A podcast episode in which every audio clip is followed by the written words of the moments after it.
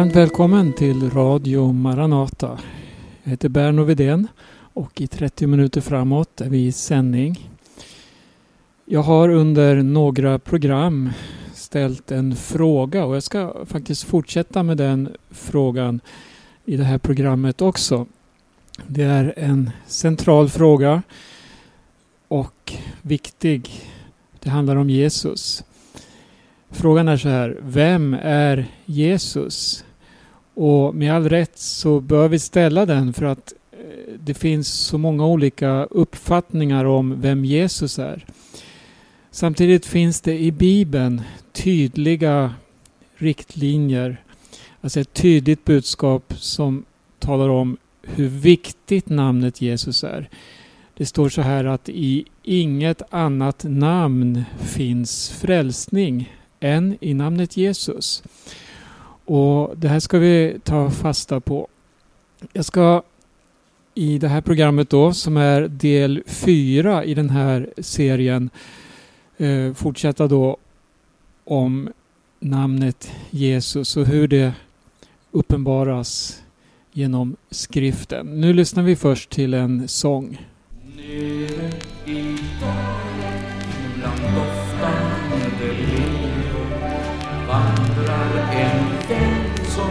Som jag håller så kär. O, jag vill skynda att följa hans fotspår. Änglarnas viskning hans namn till mig bär.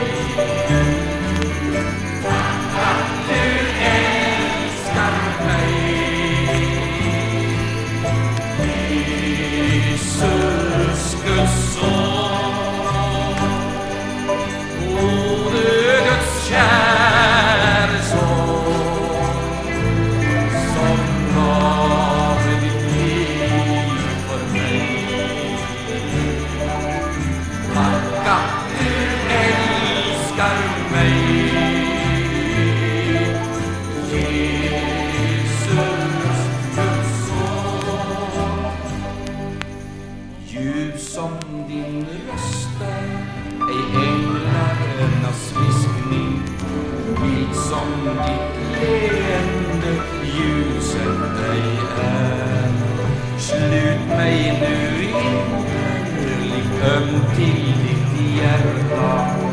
Dit att få vara är himmelen här.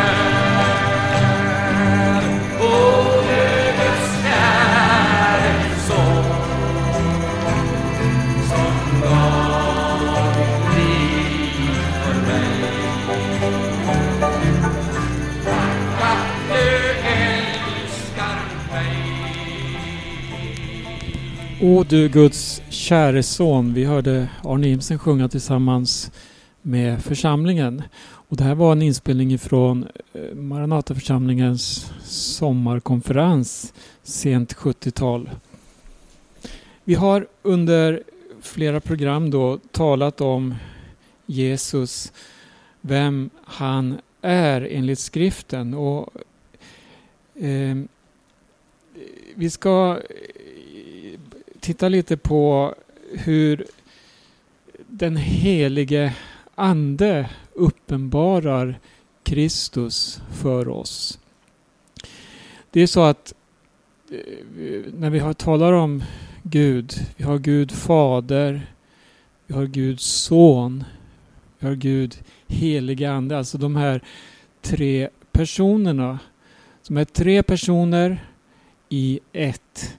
Det används ett begrepp som kallas treenigheten då vi talar om detta. Men de, de här personerna de, de har ju också olika funktioner. Vi har Gud, Fadern av evighet som bor i höjden, som bor i ett ljus dit ingen kan komma. Vi har Gud, Sonen, som blev människa. Alltså han lämnade himmelens ära. Han är också av evighet, men han kom hit ner till jorden och blev människa och gav sitt liv på Golgata och därigenom så eh, kan vi människor komma till Gud genom Jesus som har öppnat vägen då så kan vi komma till vår Gud Fader som är i himmelen. Så har vi den helige Ande som också har en oerhörd uppgift. Den tredje personen i gudomen. Det står eh, redan i skapelseberättelsen om hur Guds ande svävade över vattnet. Den helige Ande behöver vi. Jesus han talade om den helige Ande som en kraft, som en tröstare. Han talade om den som någon som vi eh, ja, blir utrustad med när vi lever här i tiden. Och någon som ger oss kraft. Jesus sa så här exempelvis eh, innan han blev upplyft till himlen. Efter sin död och uppståndelse så umgicks han med sina lärjungar och vi läser i Apostlagärningarna 1 hur Jesus säger så här När den heliga Ande kommer över er ska ni få kraft att bli mina vittnen. Alltså den heliga Ande är en kraftkälla som vi blir utrustade med. Den heliga Ande döper oss alltså i ande och eld som vi kan läsa om. Och Det var ju något de fick uppleva i den urkristna församlingen först då när den heliga Ande sänkte sig ner och satte sig på var och en av dem som var församlade. Och de fick kraft och där började den urkristna församlingen sin verksamhet. Och vad gjorde man då? Man gick inte ut och förkunnade den helige Ande. Man förkunnade inte och pekade på den helige Ande. Nej, den helige Ande hade en speciell funktion. Det var att uppenbara Jesus, att peka på Jesus. Den helige Ande uppenbarar alltså Kristus. Det är, jag skulle vilja säga, dess huvudsakliga uppgift. Och vi ska läsa några bibelord som talar om det här. Och, och vi kan ju börja med Apostlagärningarna 1 och 8 som jag redan citerat. Där Jesus sa ni ska bli mina vittnen. Inte den helige Andes vittnen utan Jesu Kristi vittnen. Allt fokuserar kring personen Jesus. Eh, I Johannes evangelium så finns det några eh, kapitel där Jesus på ett speciellt sätt ber för sina lärjungar. Han talar till dem om svåra tider som ska komma, om hur de kommer att sörja, om hur eh, de också kommer att ja, få fyllas med ett hopp om att Jesus ska komma tillbaka. Alltså Jesus han uppenbarar saker och ting för dem här om det som ligger i framtiden. Men så säger han då att under den här tiden så kommer ni att bli fyllda av den helige Ande. Det står i Johannes, vi ska, vi ska läsa först här det femtonde kapitlet.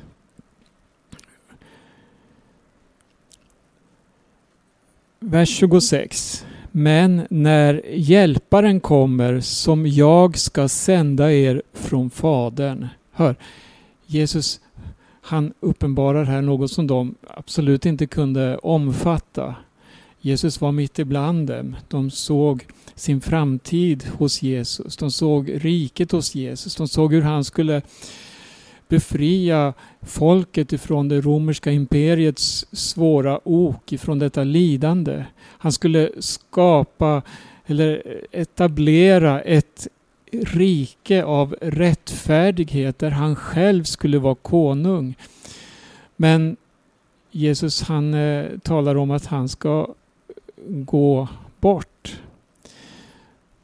Och så säger han här att han ska sända er från Fadern. Alltså kommer Jesus att vara hos Fadern då när eh, han ber om att den heliga Ande ska sändas.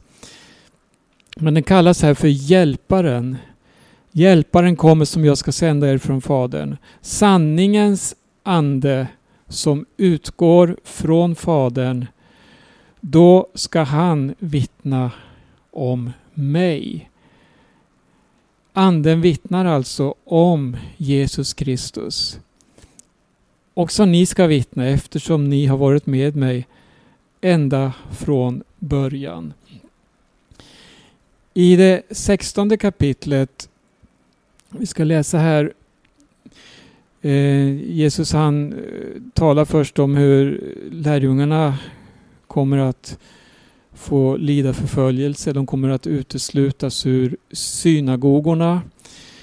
Och de kommer att få väldigt mycket problem. Deras hjärtan kommer att fyllas av sorg. Men jag säger er sanningen, står det i sjunde versen. Det är för ert bästa som jag går bort. För om jag inte går bort kommer inte hjälparen till er. Men när jag går bort ska jag sända honom till er.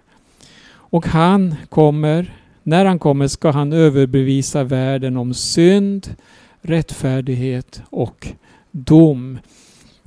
Om synd, för de tror inte på mig, sa Jesus. Här ser vi återigen hur den heliga Ande pekar på Jesus. För det finns ingen annan än Jesus som kan befria människan från synden. Den helige Ande kan inte befria oss från synden, men det gör Jesus genom att han gav sitt liv för oss och bar vår synd i sin kropp upp på Golgata. Han är den som kan befria oss om rättfärdighet och då säger Jesus Jag går till Fadern och ni ser mig inte längre. Här fokuserar också den helige Ande på Jesus som går till Fadern. Om dom, denna världens första är dömd. Eh, nu ska vi läsa i vers 13. När han kommer, sanningens ande, då ska han leda er in i hela sanningen. Han ska inte tala av sig själv utan bara tala det han hör och han ska förkunna för er vad som kommer att ske. Hör här. Han ska förhärliga mig. För han ska ta av det som är mitt och förkunna för er. Allt som Fadern har är mitt. Därför sade jag att han ska ta av det som är mitt och förkunna för er. Det, det är väldigt eh, överbevisande ord här om vilken funktion den heliga Ande har. Den heliga Ande pekar på Jesus. Eh, på vilket sätt kan den helige Ande överbevisa världen om synd? Ja, genom att peka på Kristus. Genom att upphöja Kristus. Vi ska läsa ytterligare ett bibelställe här i Hebreerbrevet. Och vi går till det första kapitlet. Där står det om änglarna. När han låter, förlåt, vers 6 läser vi. När han låter den förstfödde träda in i världen så säger han alla Guds änglar ska tillbe honom. Jesus är värd all tillbedjan. Den helige Ande är inte ett föremål eller någon vi ska bedja till. Utan eh, faktum är att det är genom Jesus, det är hos Jesus vi ska fokusera våra böner, vår tillbedjan. I Jesu namn. Det är väldigt vanligt att man ber till den helige Ande men det finns faktiskt ingenting i skriften som talar om det. Här har vi läst hur den helige Ande har som uppgift att förhärliga Jesus. Vi läste en vers här nu. Alla Guds änglar ska tillbe honom. Vi kan också läsa om hur skapelsen vittnar om Jesus, alltså om honom. Och nu ska vi läsa i Kolosserbrevet 1. Och vi läser i vers 16. I honom skapades allt i himlen och på jorden, synligt och, och osynligt, tronfurstar och herradömen, härskare och makter. Allt är skapat genom honom och till honom. Han är till före allt och allt hålls samman genom honom. Det här eh, visar också hur eh, Kristus är centrum också i skapelsen. Och jag skulle vilja läsa också i Romarbrevets första kapitel. Här har vi ju då en, eh, en, en beskrivning av hur kulturen var, hur, samhä hur samhället såg ut, hur det hade förfallit. Och en orsak till att det inte var så som det borde vara, det var just att man prisade och tackade inte Gud. Utan man var förblindad av massa föreställningar så att mörkret sänkte sig över deras oförståndiga hjärtan. Det står det i 22 versen så här i första kapitlet. De påstod att de var visa, men de blev dårar och bytte ut den odödlige Gudens härlighet mot bilder av dödliga människor, av fåglar, fyrfotadjur och kräldjur. Och i vers 25. De bytte ut Guds sanning mot lögnen och dyrkade och tjänade det skapade istället för skaparen, han som är välsignad i evighet. Alltså, det gäller att hela tiden ha fokus på Kristus i vår tillbedjan. I första Korinthierbrevet 8 ska vi läsa också. Vi läser i den sjätte versen. För sammanhanget så tar vi med femte versen här också. För även om det skulle finnas så kallade gudar i himlen eller på jorden och det finns många gudar och många herrar så har vi bara en Gud, Fadern, från vilken allting är och till vilken vi själva är. Och en Herre, Jesus Kristus, genom vilken allting är och genom vilken vi själva är. Jag ska ta med ett bibelställe till och vi går till Romarbrevet 11. Och här läser vi den sista versen. Det handlar om Jesus här. Av honom, genom honom och till honom är allting. Hans är äran i evighet. Amen. Här har vi läst alltså flera bibelversar och de talar samma språk och ger samma vägledning om vem som är värd all tillbedjan. Det är Jesus Kristus. Den heliga Ande har vi fått som en hjälp, som en kraft som uppenbarar för oss Jesus, som pekar på Jesus så att Jesus han blir större och större och jag förminskas. Det står så här i Efesierbrevet 1. Eh, vi kan läsa från nionde versen. Han har låtit oss få veta sin viljas hemlighet enligt det beslut han har fattat i Kristus. Den plan som skulle genomföras när tiden var inne. Att sammanfatta allt i himlen och på jorden i Kristus. Ja, så här kan vi fortsätta läsa om Jesus. Allt i skapelsen är på olika sätt bilder av Jesus. Men kom ihåg, de här bilderna är inte Jesus. Som tyvärr förkunnas från olika håll. Där man eh, lyfter fram det skapade som om det vore eh, Kristus själv. Eh, det här tog jag upp i ett tidigare program. Men däremot så finns det hela tiden bilder i naturen som gör att vi kan se vilken stor skapare, vilken stor Gud vi har. Andra eh, bilder som ges utav Jesus, det är att han är ljus. Han är ljus. Och så här står det i Johannes 8 och 12. Jesus säger så här, jag är världens ljus. Den som följer mig ska inte vandra i mörkret utan ha livets ljus.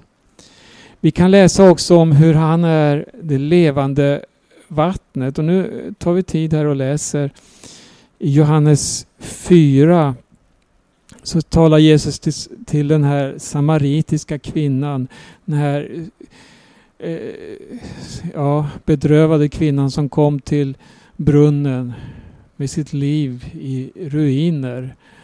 Hon hade så mycket problem att hon sökte sig dit när det inte fanns några andra människor där. Men då säger Jesus till henne så här i Johannes 4 och 10. Om du kände till Guds gåva och vem det är som ber dig, ge mig lite att dricka. Då skulle du ha bett honom och han hade gett dig levande vatten. Jesus är alltså det levande vattnet. Och det här eh, nämner han också under en högtid i Jerusalem en högtid då mycket handlade om att bära fram vatten. Det handlade om det här vattnet och att ösa ur källor. Men Jesus han förstod att alla dessa människor som här eh, var mitt inne i denna ceremoni som bar fram vatten och uttryckte Eh, sina böner och sin tacksägelse, de var tomma invärtes. För det var bara tomma ceremonier. Det fanns inget liv. Och då säger Jesus på sista dagen i den här högtiden så Ja, det står att Jesus stod där och ropade i Johannes 7 och 37. Om någon är törstig, kom till mig och drick. Den som tror på mig, som skriften säger, ur hans innersta ska strömmar av levande vatten flyta fram. Jesus han är också vinträdet.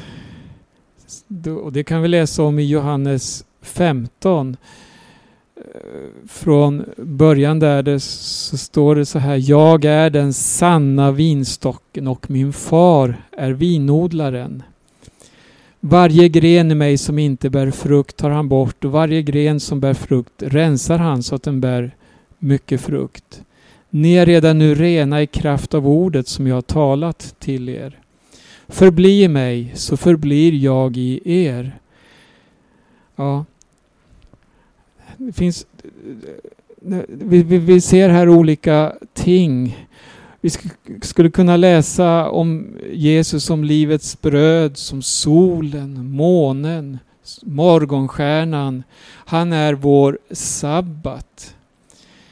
Ja, han är Guds lamm. Se Guds lamm som tar bort världens synd, utropar Johannes.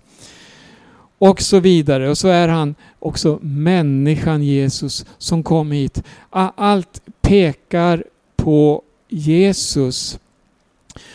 Och det finns spår av Jesus i hela skapelsen. Hela skapelsen är ändå lagd under förgängelse. Och vi, vi ska läsa eh, i Romarbrevet 8 också innan vi avslutar det här programmet. Där det står om skapelsen.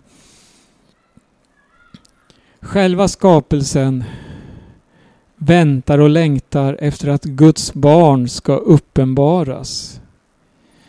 Skapelsen har ju blivit lagd under förgängelsen. Inte av egen vilja utan genom honom så lade den därunder. Ändå finns det hopp om att även skapelsen ska befrias från sitt slaveri under förgängelsen och nå fram till Guds barns härliga frihet. Vi vet att hela skapelsen gemensamt fortfarande suckar och våndas. Och inte bara den, utan också vi som har fått anden som förstlingsfrukt suckar inom oss och väntar på barnaskapet, vår kropps förlossning. I hoppet är vi frälsta. Men ett hopp som man ser uppfyllt är inte längre något hopp. Vem hoppas på det han redan ser? Och så vidare. Här, här, här ser vi återigen skapelsen. Den våndas. Skapelsen den eh, visar på honom. Men den är lagd under förgängelse. Allt vi har runt omkring oss, alla bilder, allting. Ja, det kommer att blekna. Men det som kommer att bestå, det som ger oss hopp, det som är föremålet för vår tillbedjan, för all vår uppmärksamhet, det är Jesus och ingen annan. Det är han som kan frälsa oss och den helige Ande uppenbarar Kristus för oss. Där måste jag sluta det här programmet. Jag skulle ha tagit mer tid att läsa bibelcitat här. Men eh, vi återkommer längre fram härifrån Radio Maranata. Jag heter Berno Vidén. Gud välsigne var och en på återhörande.